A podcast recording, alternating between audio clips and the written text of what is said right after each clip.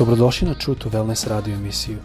Da saznate više o nama, posjetite naš website truetowellness.com.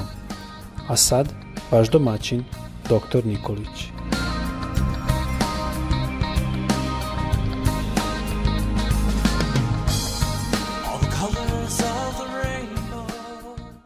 Dragi prijatelji, dobar dan, draga braćo i sestre, želim sve da vas srdačno pozdravim i da vam poželim danas Boži blagoslov, Božje zdravlje i Božje vodstvo. Neka vas Bog čuva i vodi.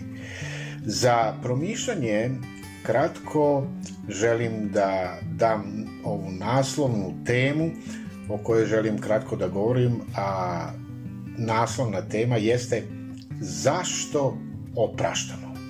I Želim da pročitam onu našu molitvu koju mi većinom od nas znamo na pamet, ali hajde da se podsjetimo. Molitva Oče naš. I ovako kaže Isus, kada se molite, molite ovako. Oče naš koji si na nebesima, nek se veliča sveto ime Tvoje. Neka dođe carstvo Tvoje neka bude volja tvoja, kako na nebu, tako i na zemlji. Hleb naš svagdašnji daj nam danas. Oprosti nam dugove naše, kao što i mi opraštamo dužnicima svojim. Ne uvedi nas u napast, nego nas izbavi od zla, jer je Tvoje carstvo, sila i slava, va vijek vijeka. Amin. I stih na koji ću se posebno fokusirati jeste oproštenje.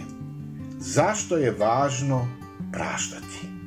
I oprosti nam dugove naše kako smo i mi oprostili dužnicima svojim. Da naša molitva ne bi bila uzaludna, jer ovde kaže oprosti nam dugove naše Bože, kao što smo mi već oprostili jedni drugima. Znači, Da molitva ne bi bila promašaj, mi moramo već nešto uraditi pre nego što molimo ovu molitvu. I kada govorimo o oproštenju, tada moramo razumeti da to nije oproštenje samo mojim izgovorenim rečima. Znaš, ja ti opraštam. Vidite, ja i vi, to jest mi, moramo razumeti da je oproštenje jedan proces. Proces u kojem postoji, šta? Jedno svesno razumevanje zašto ja opraštam. I opasnosti s druge strane koje će se dogoditi ako ne oprostim.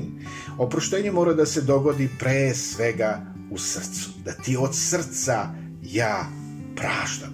Kad opraštamo drugome, to ne znači da mi odobravamo njegov ili njen postupak koji je učinjen meni. Ili sa druge strane opravdavam ono što je on ili ona meni učinila. Umesto toga naš oprost će osloboditi tu osobu, to jest uvreditelja, od naše osude. Iako to možda ta osoba i ne zaslužuje, jer zašto? Zato što je i Isus Hrist, naš spasitelj, oslobađa mene od njegove osude, iako to ja ne zaslužujem. Važan aspekt u opraštanju jeste da razumemo šta se događa ako ja ne oprostim ili ne oprostimo. Neopraštanjem, šta će se dogoditi? Ja lično ulazim po automatizmu u jedno stanje osude, Osude koga? Pa onoga koji me je uvredio, koji me je povredio. I tada se ja stavljam u jednu poziciju, u poziciju sudije i donosim neki svoj sud. I ovo je važno, važno razumevanje zašto opraštam. Dakle, da to opišem na sledeći način. Onaj koji me uvredio, kojim je naneo bol, poniženje, on je prouzrokovao jedno haotično stanje u mom, mom životu. I to stanje je uvrede toliko snažno da to utiče na mene tako da ja osobu koja me povredila ne vidim više normalnim očima, nego vidim e, sasvim drugim, da kažem, očima. I odatle ide težnja u jednome pravcu, a to je nešto što vuče jedno za drugo, da budem ponešen njevom, srđbom, ljutinom. Zašto? Pa zato što sam ja povređen, jer uvreditelj mi je naneo uvredu, a ja to ne zaslužujem. I dalje ta povređenost je toliko jaka da ja zaboravim na Isusovo upozorenje koje je zapisano u Matevom evanđelju u sedmoj glavi, u prvom stihu gde Isus kaže ne sudite da vam se ne sudi. Imajmo na umu ovo što Isus kaže, ovaj izraz ne suditi. Šta to znači u kontekstu praštanja, odnosno ne praštanja? To ne znači pre svega ne služiti se svojim sudom, nego ne služiti se njime za osuđivanje drugoga sudom.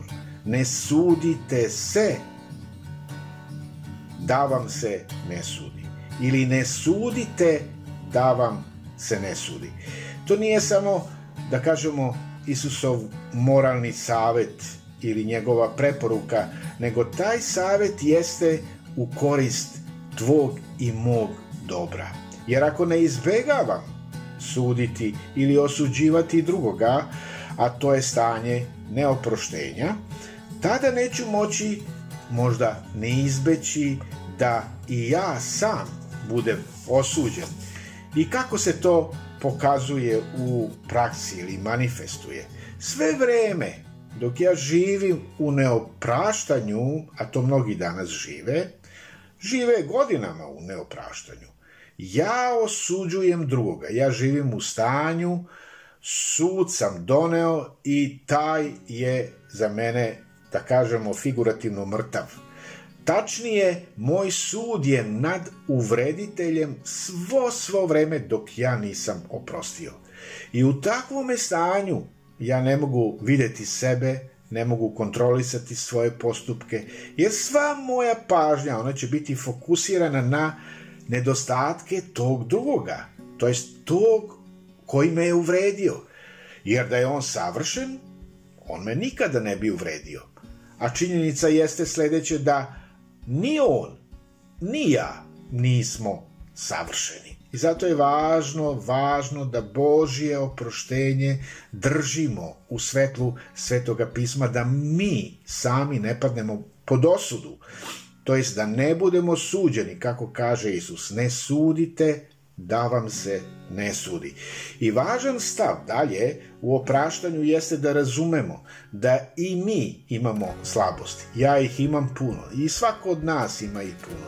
I da se setimo Isusove poruke kada govori tamo u obliku slike šta gledaš trun u oku brata svoga, a brvno u oku svome ne vidiš. Matevo evanđelje 7. glava 3. stih.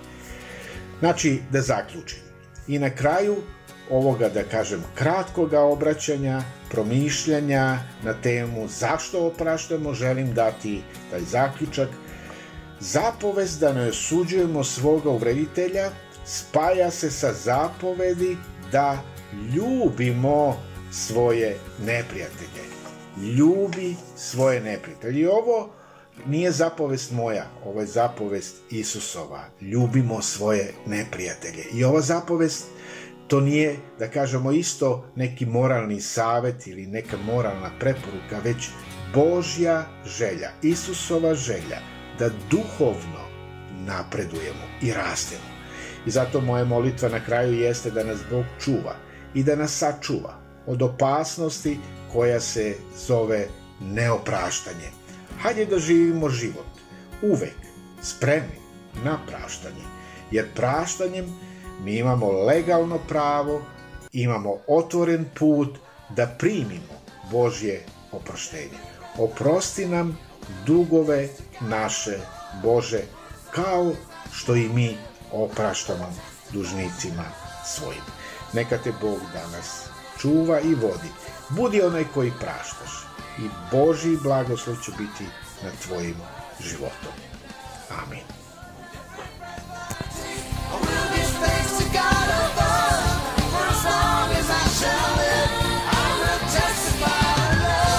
Slušajte True to Wellness radio emisiju. Pridružite nam se ponovo svaki utorak, četvrtak i subotu.